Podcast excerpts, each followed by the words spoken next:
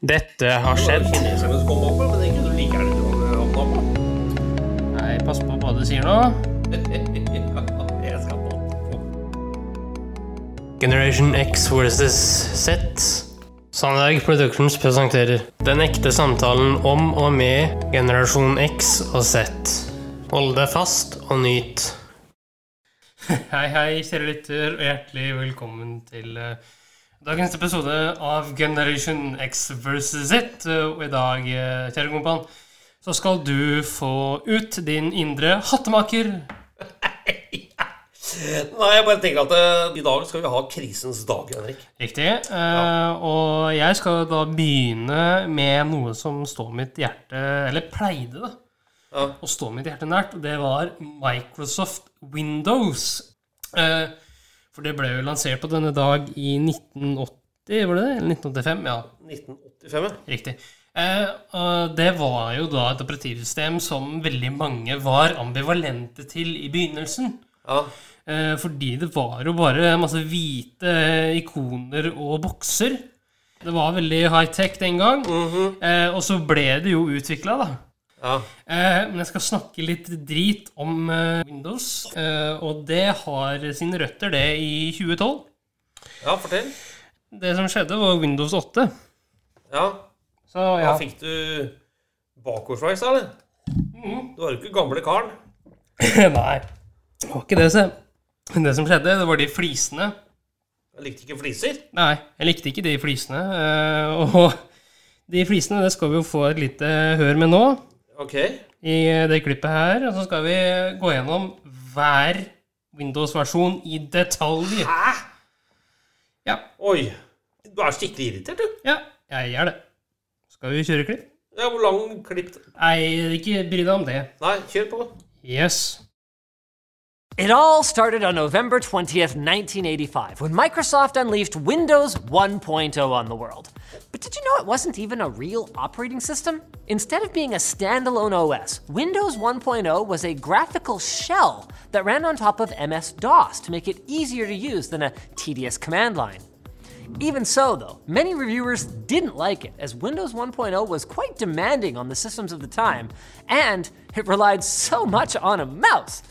I mean, those are so uncommon. Where am I going to find one? Making it difficult to use. Huh. Windows 2.0 came on the scene in late 1987 and was quite a bit more polished. The windows themselves could actually overlap for the first time, and you could display a whopping 256 colors on your screen. Third party application support was still spotty, but Word and Excel for Windows both made their debuts on Windows 2.0. The 2.1 variant, released the next year, was actually the first version of Windows to require a hard drive, as previous versions could run off of floppy disks. 1990's Windows 3.0 was a major change, and not just because Microsoft dropped $3 million on the launch event.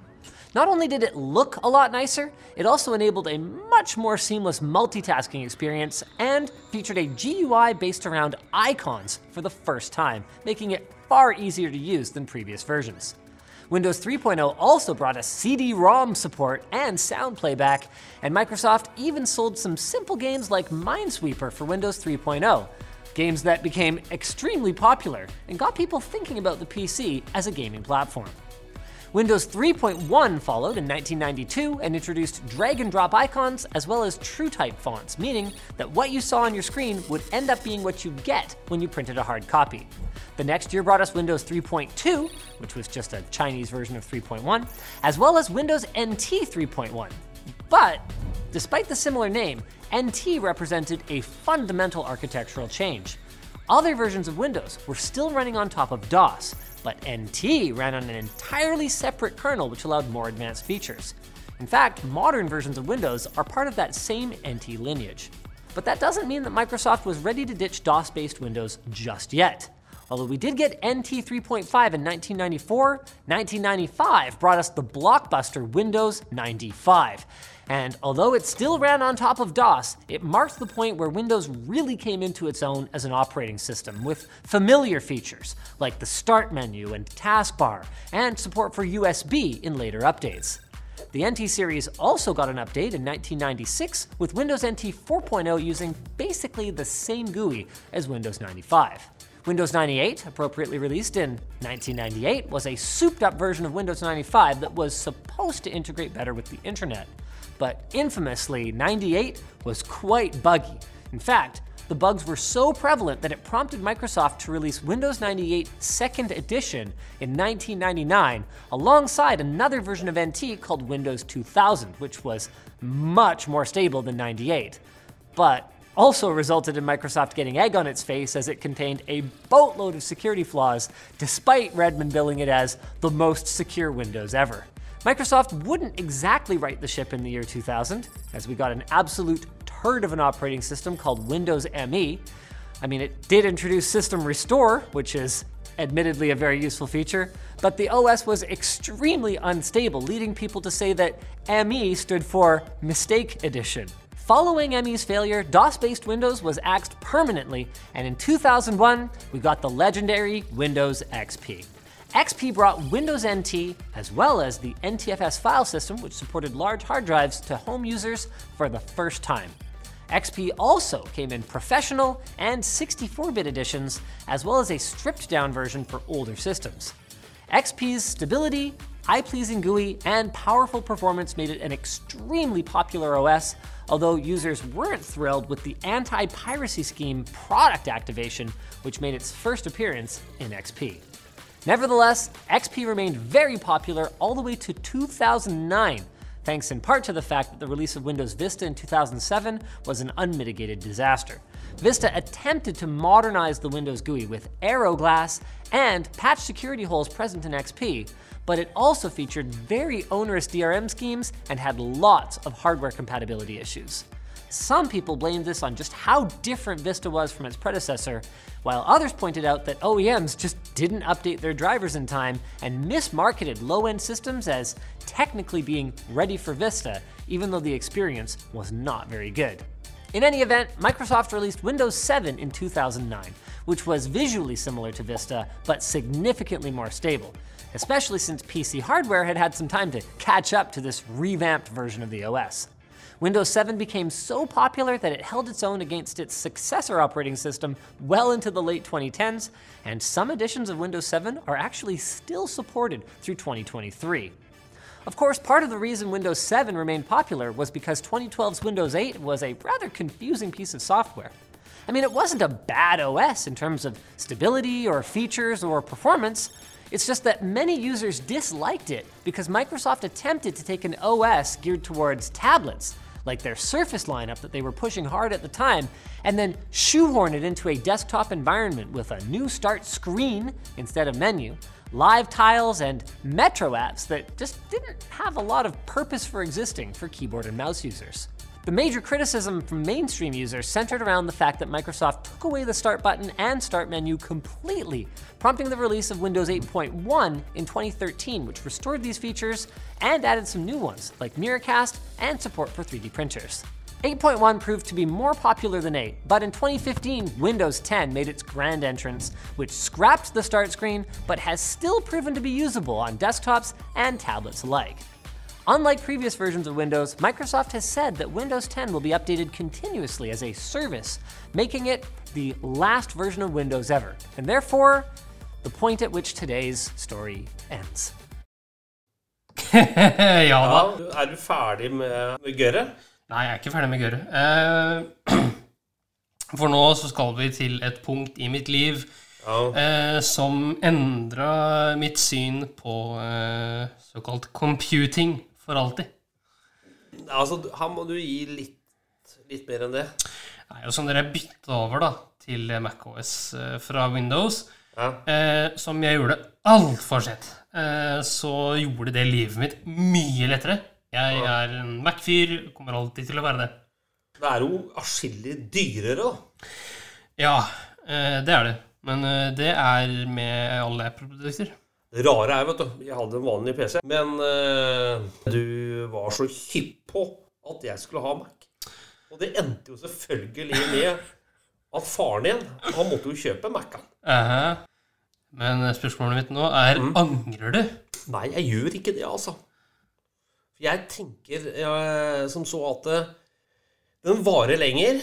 Det er ikke så mye tullball med den som kanskje en vanlig PC. Nei, og hvis det er det, så er det noe som det går an å fikse sjøl, Ja, forhåpentligvis, da. som regel. Ja, eh, og vi skal jo som sagt videre, vi, eh, fra Windows 8 og det som jo var helt forferdelig.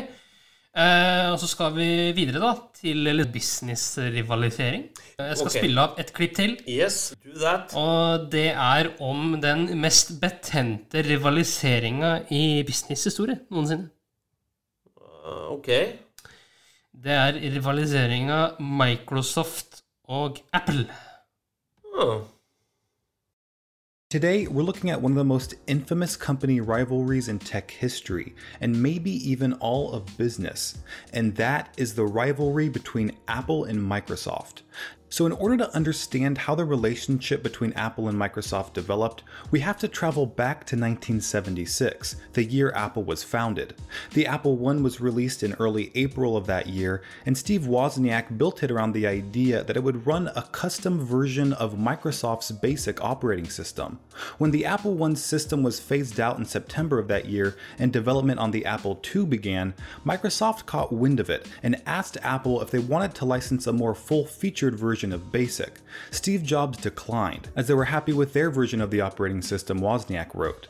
But when they showed off the Apple II at the West Coast Computer Fair in April 1977, they were overwhelmed with complaints since their operating system didn't have floating point, which basically means the machine didn't understand numbers below negative 32,768 or any numbers above 32,767. As trivial as this might sound for consumer level apps, it became a big problem as businesses began using computers for accounting and couldn't use the machines to process any sizable numbers.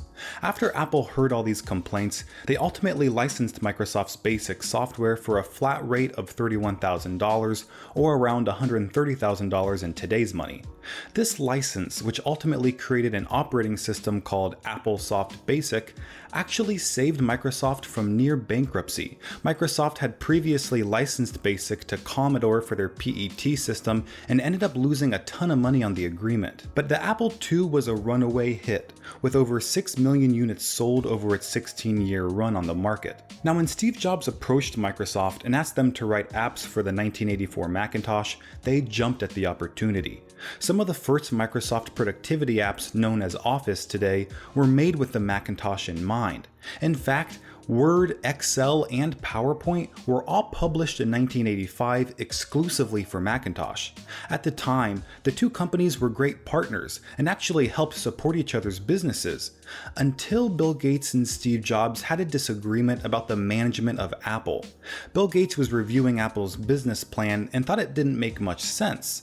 They weren't planning on licensing their software to anyone. He brought it up to Steve, but the idea of licensing Apple's operating system to other hardware companies was unthinkable for Jobs. So Bill, being the clever businessman he was, went back to Washington and began development of Microsoft's own operating system with a graphical user interface called Windows. Now, when Windows 1.0 hit the market in November 1985, it was met with mixed reviews. The most striking thing about the Windows operating system was its curiously close resemblance to Apple's Macintosh System 1, with clickable icons, mouse and cursor interface, and multiple windows for multitasking. Now, Apple had licensed some bits and pieces of their own operating system for Microsoft to use, but the similarities went beyond minor details. Some journalists had high hopes that Windows would be a high performing operating system, but it fell short of expectations, which tends to be the case with initial versions of software. And one of the most criticized aspects of Windows was its high system requirements, which meant users needed an expensive, powerful computer to run Windows properly. But despite all that, Windows 1.0 served an important purpose in the long run, since it became the core building block on which modern day Windows is ran. So, two years after Windows 1.0, Microsoft brought Windows 2 to market in the winter of 1987. This was an incremental release and introduced more advanced VGA graphics with 16 individual colors, keyboard shortcuts for pro users, and desktop icons for quick access to different parts of the operating system and resizable and overlapping windows, all of which were very similar to the Macintosh operating system. So when Steve Jobs saw Microsoft's Windows 2, he wasn't thrilled. You're stealing from us! He accused Gates of stealing Apple's user interface and style, but as much as he hated this, he knew Apple was in no position to take legal action against Microsoft. And shortly after the Macintosh was released, Jobs was replaced as CEO by then board member John Sculley. Now, Jobs advised Sculley not to sue Microsoft, or else they wouldn't be as willing to develop apps for the Mac anymore. And keep in mind that a huge selling point of the Macintosh was its massive library of software, so Microsoft abandoning their hugely popular suite of Mac apps would be platform suicide, which was part of the reason why Jobs didn't want Scully to go through with the lawsuit. But another reason was that the case would be very difficult to win. The grounds of the suit were basically theft of the look and feel of the interface, which wasn't really something a company could copyright or patent. In spite of this, Scully went ahead and brought Microsoft to court in July 1994, and the case was thrown out in September of the same year.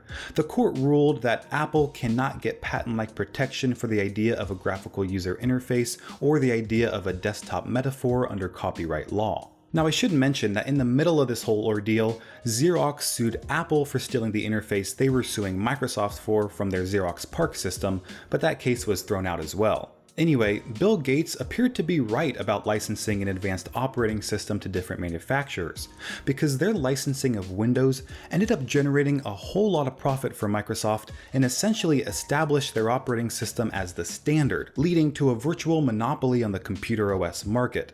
Because by 1990, Windows ran on 84% of computers worldwide, and that increased to 90% in 1994. As Microsoft's market dominance grew and as they released newer and more advanced versions of Windows, the bitterness between Apple and Microsoft grew even more palpable. Uh, I'm, I'm really sorry, folks. The uh, presentation should be running. I just installed my new operating system, Windows 95. Check your autoexec.net! If you're looking for a computer that's easy to use, there's still only one way to go. Get a Macintosh! It became so tense that during an interview in 1995, Steve said Microsoft had no taste and that they just made really third rate products.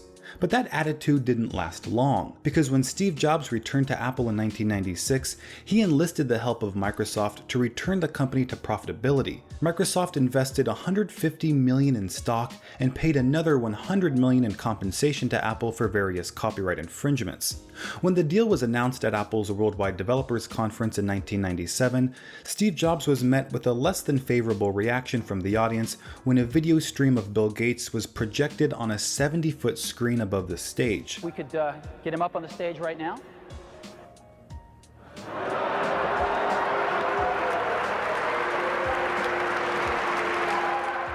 Now, many years later, when Jobs looked back on this event, he regretted allowing Bill's head to loom over him on stage since it appeared Microsoft was in a more dominant position. Now, this substantial investment from Microsoft helped Apple produce some of the products that made them the company we know today. A year after Steve was booed, he went back on stage and announced the first iMac, which was met with resounding approval by the media and customers alike. Three years later, Apple shipped the iPod, securing Apple's reputation as a lifestyle brand as well as a tech company. Now, around 2006, what we know as Windows Vista was in public beta under the codename Longhorn, and similarities between Longhorn and macOS 10 weren't immediately obvious to customers until Apple began pointing them out during their keynotes. For example, OS 10 Tiger introduced a system wide file search called Spotlight, and months later, a Windows beta included a search bar in the Start menu. And Internet Explorer 7 was a total redesign from the ground up in an attempt to compete with Safari, but that never really worked. That same year, Microsoft released the ultimate iPod killer called the Zune. The only problem was it never really reached the same level of success as the iPod. And to give you an idea of why Microsoft even decided to make the Zune, you have to remember that at the time, Apple had essentially total market dominance in the portable music industry. Their steps in releasing iTunes for Windows, creating different versions of the iPod for different markets, and changing the port from Firewire to a USB powered 30 pin connector all helped Apple Apple cement their position as the dominant music player brand. Now, Microsoft recognized this and initially tried to compete with iTunes by creating the MSN Music Store in 2004, But within a year, the library of songs on MSN Music actually decreased from 1.5 million down to 1.1 million due to awful sales numbers and Microsoft not investing many resources into the service. Finally, in 2006, Microsoft discontinued MSN Music to release the new Zune Music service along with the Zune 30 music player. To help create hype around their product, Microsoft ran some interesting TV ads, and also some pretty desperate marketing campaigns. For example, Microsoft hired 200 college students to be Zune masters on their campuses. They would promote the music player and host what were called Zune events. But unsurprisingly, those efforts failed to generate any meaningful level of excitement for the device. Now, the Zune 30 had a few features to make it stand out from the iPod, including a larger display, a built in FM radio, and a navigation touchpad some critics found easier to navigate with, and the ability to share music files between other Zune users within a 30 foot radius over Wi Fi. Over the course of six years, Microsoft would continue to upgrade the Zune and refine its design, introducing a smaller version which ran off flash storage to compete with the Nano, and a fully touchscreen version to compete with the iPod Touch, but resembled more of a 7th gen iPod Nano in size. At its peak, the Zune only accounted for 9% of the music player market, coming in behind the iPod's 63%. And at the time the Zune was being phased out, it was barely at 2% total market share. But Microsoft didn't let the Zune dampen their spirits, because weeks after the release of Windows 7 in October 2009, Microsoft opened their first retail store in Scottsdale, Arizona.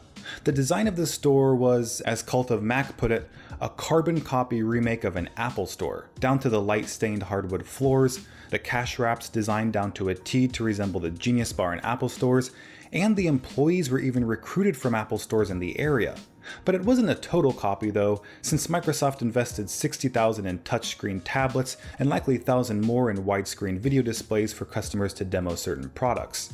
Now, in recent years, the blatant copying from Microsoft has subsided quite a bit. Sure, they released the Surface tablet, which was compared to the iPad in Microsoft's own ads, but there are quite a few signature features that separates it from any iPad released to date.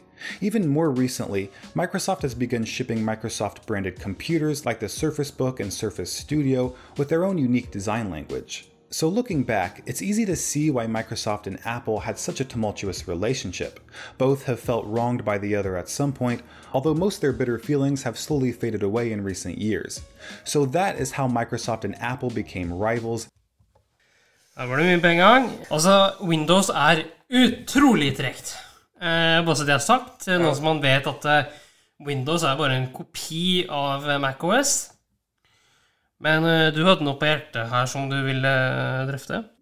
Jeg hadde lyst til å ta opp noe annet, hvis jeg er for deg, gutten min. Ja. Jeg får bare beklage den som har bursdag eller bryllupsdag eller hva det nå enn måtte være 20. november. Men vi har kalt den da krisens dag.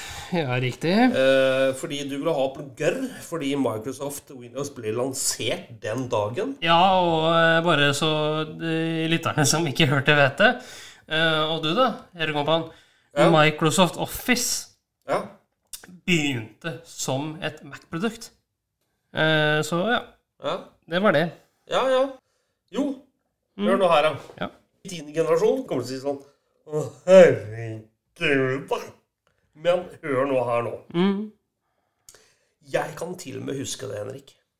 Da var ikke jeg store gutten. Og disse dager hvor det er eh, energi med vindkraft og solkraft og det ene med det andre, eh, og oljeprisen er høy, så kan jeg bare love unge herren at eh, når jeg var liten plump i Ja. 1973, Mm. så var det faktisk noe som heter oljekrisa i Norge. Ja, ikke sant? Og i den vestlige verden. Hva tenker du når jeg sier det? Nei, altså, jeg tenker jo at det var jo en krise, da. Ja, Eh, Jeg tenker ikke noe mer enn det. Nei, Hvis det blir sånn energikrise akkurat i dag og fram i tid, da, hva hadde du tenkt da? Nei, eh, jeg hadde vel tenkt at det er vanskelig å komme seg opp på bena igjen. Ja. Da. Ja. Det var iallfall en uh, oljeboikott som medførte i tillegg da veldig kraftig prisøkning på olje. Altså firedoblet seg. Vet, vet du hva jeg kan huske? Nei. Jeg kan huske at det ikke var en bil på veien. Ja, Mm. er ikke sant. Mm. Og eh, i helgene så var det ikke lov til å kjøre bil. Nei, eh, det var det vel ikke da, tenker jeg, da. Nei. Og en annen ting som forteller litt om eh, ståa av kongefamilien. Kong Ja. Olav. Ja. Altså, han var jo konge på den tiden. Han tok heller ikke bil. Med tanke på eh, solidaritet til oss andre, så betalte han for å dra på trikken som alle andre. ja øh, kjørte rett og slett kollektivt. Da. Han kjørte kollektivt. Jeg snakker om The King, altså. Og så ser man kongen i dag, Ja. eh, så hadde sikkert han også vært tilbøyelig til å gjøre det samme. Kong Harald hadde nok også gjort det, altså, vil jeg tro. Jeg tror jaggu eh, kronprinsen også hadde gjort det, ja, altså. Jo da, eh, for de hadde jo hatt en far og en bestefar som eh, gjorde det, og jeg tror vel ikke noen av dem vil være noe dårligere, da. Det tror ikke jeg er det, Henrik. Jeg vet også en fakta om kronprins Haakon og den familien der. Det er at eh, på fredager Ja, det er taco, så. Så nei, de får en kokk på fredager. Hvor gjør de det? Eh, Resten av uka så lever de da eh, som vanlige mennesker eh, i matveien. Ja, ok. Eh, Lager sin egen mat med sånne ting. Men fredagen? Kokk. Ikke noe tenkt meg å prøve det. Ja, ja. De fortjener det, syns jeg, da. Ja, Jeg har lyst til å gå videre, gutten min. vær så god. Jo, hør nå her, da. Eh, hvis man nå går altså fra 1973, så går man litt tilbake i tid, da, til 1923. Ja, altså 50 år tilbake i tid, da. Vet du hva som skjedde da? Ja, du har ja, snakka veldig om sånn inflasjon. Ja da, nå er vi på vet du, inflasjon. Du kaller det sånn hyperinflasjon. Sånn helt sånn superinflasjon. Det som skjedde da i Tyskland, kan kanskje beregnes som verdens verste inflasjon. Eh, Hvor prisene økte noe helt kolossalt. Og valutaen, altså den tyske marken, da, mista fullstendig verdi. Og i en sånn historie så tapte de første verdenskrig Ja. noen år før. ja, han tapte jo eh, første verdenskrig i 1918. Ikke sant? Og så kom Og så kom inflasjonen, og så så tapte de etterpå, da, i Ikke sant? Så de hadde skikkelig Eller 1945? eh, Ja, de hadde skikkelig trøkk eh, de tiårene der, altså. Ja, I 1923, Henrik Én amerikansk dollar Hvor mye er det nå? Er det ni kroner? ja. Ja, altså. I eh, 1923 så kosta en amerikansk dollar 4200 eh, milliarder mark. ja. Jeg har lyst til å bare avslutte med en ting. jeg med. ja. Det er 20. november 1718. Jeg, jeg tar ikke sånn, puster tungt og sånt nå, men jeg bare bare nevner veldig, veldig, veldig superkort, superkort. For det har noe med oss å gjøre. Har noe med oss å gjøre. ja, Nå husker ikke jeg hva det var, da. Det kalles for den store nordiske krigen. Ah, ja, den. Ja, og det var da svenskene prøvde å beleire Fredrik Sten festning i Halden. Ja. Eh, det har jo noe med norgeshistorien å gjøre, Det det her, da. gjør det. Og bare etter ca. tre uker så ble jo han kongen, svenskekongen, han ble jo drept, han, vet du. Han ble ikke bare tatt til fange, men han ble også drept. Han ble drept av ei kule, han. Dermed var liksom den krigen. Men den store nordiske krigen, den er egentlig fra ca. 1700 til 1721. Hvor Sverige da var en kjempestor makt, og var da i krig med nesten det alt som har noe med Norden og Øst-Europa å gjøre. Ja, Så den var jo primært da i krig med Danmark og Finland. Ja, de var i krig med Russland. For Norge fantes jo ikke. Eh, Ja, da- Norge var jo dansk Ja, den gangen. Og Danmark, Norge var i krig med eh, Polen, Litauen, Saksen. Det endte jo med da, at Sverige tapte. Selv om de hadde litt hjelp fra det osmanske riket, så, så tapte de den krigen. Og det endte faktisk med, Henrik, at stormakten Sverige mista sykt mye makt. Og det kom en ny stormakt til, og det er og ble Russland. Så jeg tenker, Henrik, hvis Sverige hadde vunnet den store krigen her, så er det fullt mulig at 17. mai var bare en vanlig dag. Ja, klart det. Mm. Men det hadde jo også hatt en eh, påvirkning på verden rundt, da, eh, vil jeg påstå. Yes. Det hadde jo vært svenske. eh, Stor sannsynlighet for det, ja. Ja, eh, og vi begge har jo drodlet litt ved om hva hvis vi var svensker. Det er forferdelig å tenke på sånn sett, men eh, ja ja, det kan jo være et, et tankespinn likevel.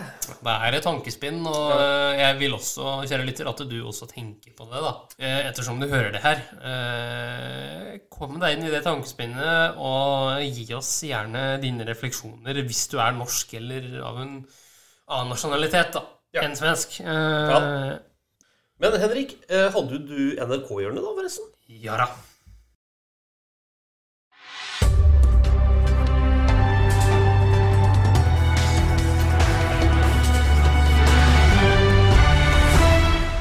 NRK-hjørnet.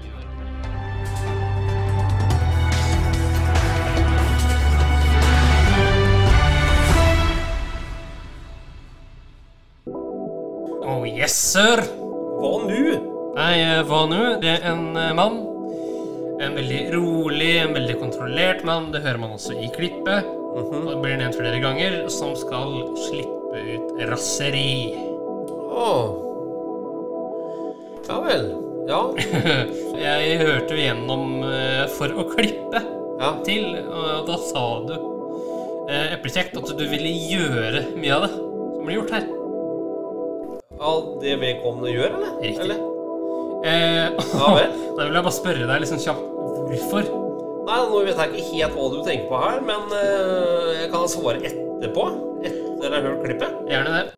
For deg virker det som innimellom, Magnus, å få ut litt aggresjon. At du er en sånn kontrollert og eh, En kontrollert mann. Vi har noen planer for deg som skal skje veldig straks her i P3 Morgen. Og du som hører på, hvis du blir med oss videre, så kan du ta del i disse planene. Martin og Adelina ønsker deg en god P3-morgen. Vi har lurt litt på, har du litt sånn aggressive følelser inni deg om dagen, Magnus? Ja, det er jo for, for de som eh, ofte ser roligst ut utenpå, eh, så tror jeg jo alle har de der samme følelsene. Eh, og så kanskje jeg er flink til å holde de inni meg. Har du holdt det inni deg hele livet? Ja, jeg har egentlig det. Fordi Ja. du spurte meg jo mens Karno om jeg noen gang har blitt så sint at jeg har liksom hylt og skreket. Jeg har gitt et lite brøl. Ja. og, og, og skjelt ut folk med å rope. Mm. Det har, kom ikke på en eneste gang det har skjedd i mitt liv. Nei. Har du noen gang hevet stemmen? Det, ja, det kan ha skjedd, men eh, jeg kan ikke huske det. Så det må være lenge siden. Ja, jeg mener jo at uh, uten tvil så er du det farligste mennesket. Eh, som altså går hele livet og holder inne de Tikkende bombe. Ja, tikkende bombe, rett og slett. Men jeg, jeg må bare si, det var fascinerende for meg at du sier sånn, du kjenner på de samme følelsene som andre. Du bare klarer å holde det inni deg. For jeg har tenkt sånn, Ja, eller om jeg ikke tør å slippe de ut. Jeg vet ikke hva som er svaret der. for jeg har bare tenkt sånn, du, du kjenner sikkert ikke på de følelsene. Sånn, øh, sinne er ikke en følelse du kjenner på. Men det ja. gjør du. Ja da. Det er, det Hva er det som gjør deg sint, da? Eh, det er mye småting. Ja. Kan sitte veldig eh, Veldig å skjelle ut liksom på TV hvis jeg sitter og ser på TV-en. Hvorfor er ikke du med på sofa? Nei, ja, det er jo litt sånn sofaaktig Ja. eh, måte. Eh, jeg kan bli teknosint. Sint på teknologi som ikke virker. Mm. Teknosint. Ja, Visste ikke at det het. Det er visst et eh, eh, begrep eh, og en type sinne. Mm. Eh, jeg kan bli sint på eh, Sånn som nå, Ikea-møbler. Ja, Da kan jeg bli sint. ja. Eh, ja, jeg får jo alt de der Får jo alle de der, men det er lite sånn i offentligheten. Ok, vet du hva, Vi tenkte vi skulle hjelpe deg litt, grann, og egentlig skjedde eksperiment. Kan vi få ut litt agg fra Magnus Devold? Eh, så vi har lagt opp et lite løp her. Vi har eh, noen bilder du skal rive opp, eh, Mm. som kan gjøre deg sint. Det er da bilder av svigers, Oi, som du skal få lov til å ødelegge.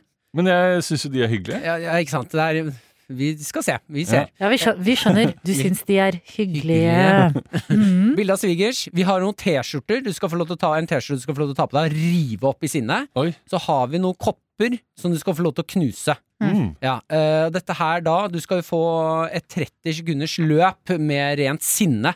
Og her skal, nå skal du få lov, Magnus, til å bare legge ut alt det sinnet du har spart oppover alle årene. Ikke sant. De Ikea-håndbøkene som bare er sånn her, de gir ikke mening. OL-et som ikke ble noe av.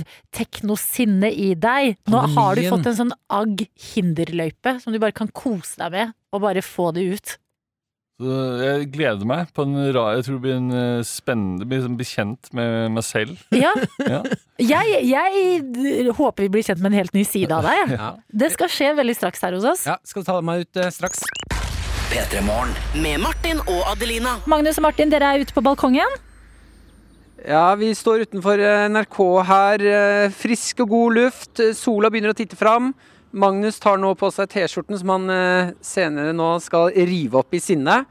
Eh, Hvordan, hvordan er sinnenivået eh, nå så langt, Magnus? Jeg prøver å bygge meg opp. Eh, Jeg blir jo litt sint av Det er en T-skjorte med bilde av to veldig gamle mennesker eh, som ligger sammen, antagelig. Og så står det 'Friends with benefits' under. og så vet jeg heller ikke Jeg ble litt usikker nå om jeg har nok styrke i meg til å rive opp en T-skjorte. Ja, ok, vi, vi kan lage bitte litt hull, så får juksehull, da. Kan starte der. Kan lage. Vi lager, ja, vi skal lage et juksehull. Det får vi til. Eh, nå er løypa altså lagt opp, så vi har bilde av svigers. Eh, beveger oss der. Kan rive opp det. Så går vi over til bamsen. Den skal du få lov til å rive i stykker. Eh, så er det en eh, plante du skal, som er død, som du kan få lov til å gjøre hva du vil med. Akkurat hva du vil. Ja. Eh, og så avsluttes eh, Nei, så er det T-skjorte. Og så avslutter vi hele, hele sinneløpet med to kopper som skal knuses på din måte. På min egen måte. Og er litt sinne. Martin, Ja! oi, oi, oi. ja, Ja. det er mer av det der jeg ønsker. Jeg ønsker eh, sinnelyder fra Magnus underveis, for det er en viktig del av å få ut følelsene. Ok, kan vi, kan vi få høre noen sinne, eventuelt sinnelyder? Prøve oss litt fram nå. Nå er jeg så drittlei av deg, Adelina! Nei! Det er veldig rart å se Magnus sånn her. Overtroverdig. Ja, vi må Sinnegrynt. Ok, ok. Nei, jeg tror det her blir veldig bra, ja. Ja, ja, ja. Vi er eh, klare, eh, så eh, dere får starte dette aggresjonsløpet når dere kjenner at dere også er klare. Ok, Er vi klare nå, eller skal vi, gå, skal vi få la- lagd juksehull på T-skjorta først? Klarer du å rive opp den? Skal vi kan jo prøve. Ja, det kan hende du blir enda mer sint av det. Ja. Ja, ok, Da kan du gå ved startstreken. Ja. Og så nå, her er det, nå må du bare finne fram sinnet. Du kan få tre sekunder å finne fram sinnet først. Og så ja, bare starter du når du er klar. ok. Han starter med T-skjorta. Jeg starter med T-skjorte fordi jeg er så forbanna lei av T-skjorter som er for små. Det var veldig. Nå føler jeg jeg har noe her. Hva er sint? Hva er, du- hva er du sint på? Jeg er sint på gamle mennesker som er friends with benefits. T-skjorten av. Sånn, T-skjorten av. God rivelyd. Så lei av at eh, dere aldri kommer på besøk. Oi! Og Sånn er bamsen. Jeg så en barnehage gikk forbi her i stad. Jeg håper de ser det her live. Jeg skal rive hodet av en teddybjørn. Å, veldig, veldig vanskelig å rive av hodet. Veldig vanskelig å rive av hodet på den teddybjørnen. Har du saks eller noe? Bruk sinne. Finn sinne. Ja, men det er ikke noe, det er ikke noe, det er ikke noe sted å gripe tak. Der, der er det et lite hull. Han mista bamsen. Han er så sint nå. OK, nå Der.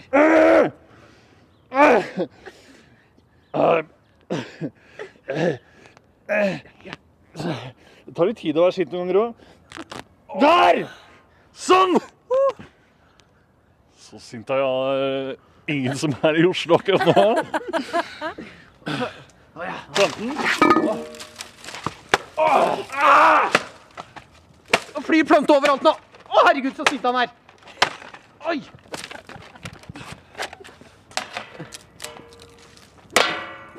Å, Slå planten mot søppelkassa her. Kaster pinner. Å, så sint. Å, så, ja, nå ser han sint ut. Oi! Gå koppene. Sånn. Wow, så tilfredsstillende! Å, Sparke søppelkassa. Er faen ikke ferdig. Nei, nå er jeg faen ikke Nå skal jeg Jeg vet ikke hva jeg skal gjøre nå, jeg. Jeg tror jeg vet ikke om jeg har mer sinne igjen. Nei, Hvordan, føles det nå? Ja, det var litt deilig. Ja. Og så følte jeg meg også litt svak noen ganger, sånn som jeg ikke klarte å rive av hodet på bamsen. Eh, så det, og det gjorde meg sintere, men også litt eh, flau. Ja. Nå er det veldig mange blanda følelser inni meg. Men eh, alt i alt en god måte å starte dagen på. Der er dere en god måte å starte dagen på, Adelina. Ja, det er helt Eh, nydelig. sinne. Ja, sinne, det, vet du hva? det er en følelse det også. Noen ganger må den følelsen også ut. Takk til dere fra balkongen der, altså. Martin og Magnus, eh, som har fått ut litt av P3morgen med Martin og Adelina. Du, Magnus, du har eh, knust eh, ting og fått ut aggresjon. Ja. Hvordan føltes det? Eh, det var deilig. Nå er jeg spent på om det her åpnet en dør i meg som aldri kan lukkes. Ja, Vi diskuterte det på vei inn hit igjen fra ut, uh, utafor NRK, om vi nå har satt i gang noe litt sånn skumle greier.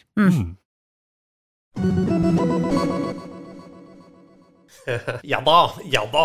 Um, er du sinna nå, eller? Nei Relativt rolig? Ja, jeg føler det. Ja, ja det er jo jeg òg. ja, Ja. ok. Ja da. Du sa jo her eh, for noen dager siden at du eh, kunne tenkt deg å gjort eh, mye av det samme sjøl, som han gjorde i det siste klippet der. Eh, Og da vil jeg gjerne vite hvorfor. Nei, altså, jeg syns det er litt uh, kult, jeg. Og så få ut litt sånn agg en gang imellom. Jeg tror alle trenger det i sånn ny og ne. Ja, Altså, jeg prøver jo da å introdusere uh, på jobben min, og nesten hvor enn jeg er sånn jobbmessig, at det som eh, man bør skaffe seg på enhver arbeidsplass, er rett og slett en boksesekk. ja, Og så eh, hansker, og så bare gi folk med en gang imellom. Sånn. Du ikke ha ett minutt engang, så, så får du veldig mye gørr. Ja. Altså, du har en baksesekk bak deg her nå, mm. men jeg har aldri sett deg bruke den når du er eh, irritert eller eh, Nei, du får ut vel litt sånn agg og gørr før eh, Det er forebyggende. Men Det hjelper ikke at du sier det. Altså, greia er at jeg har ikke sett deg når du har vært Nei, Uh, har du sett meg skikkelig irritert noen gang? ja da. Har du? Ja. Når da? Når da? Mange år siden. Ja, Hvor mange år siden snakker vi da? Mange år siden. Ja, ok. Det er mange år siden, ja. Jeg sier jeg tusen takk for nå, gutten min. Jo, takk for nå, da. Og jeg kosa meg. Jeg også det. Ja, så flott. På gjensyn. På gjensyn. Tusen takk for at du fulgte oss. Gi gjerne tilbakemelding, likes eller kommentar på Facebook-siden vår Generation X versus Z. Velkommen igjen til neste podkastepisode. Hei då!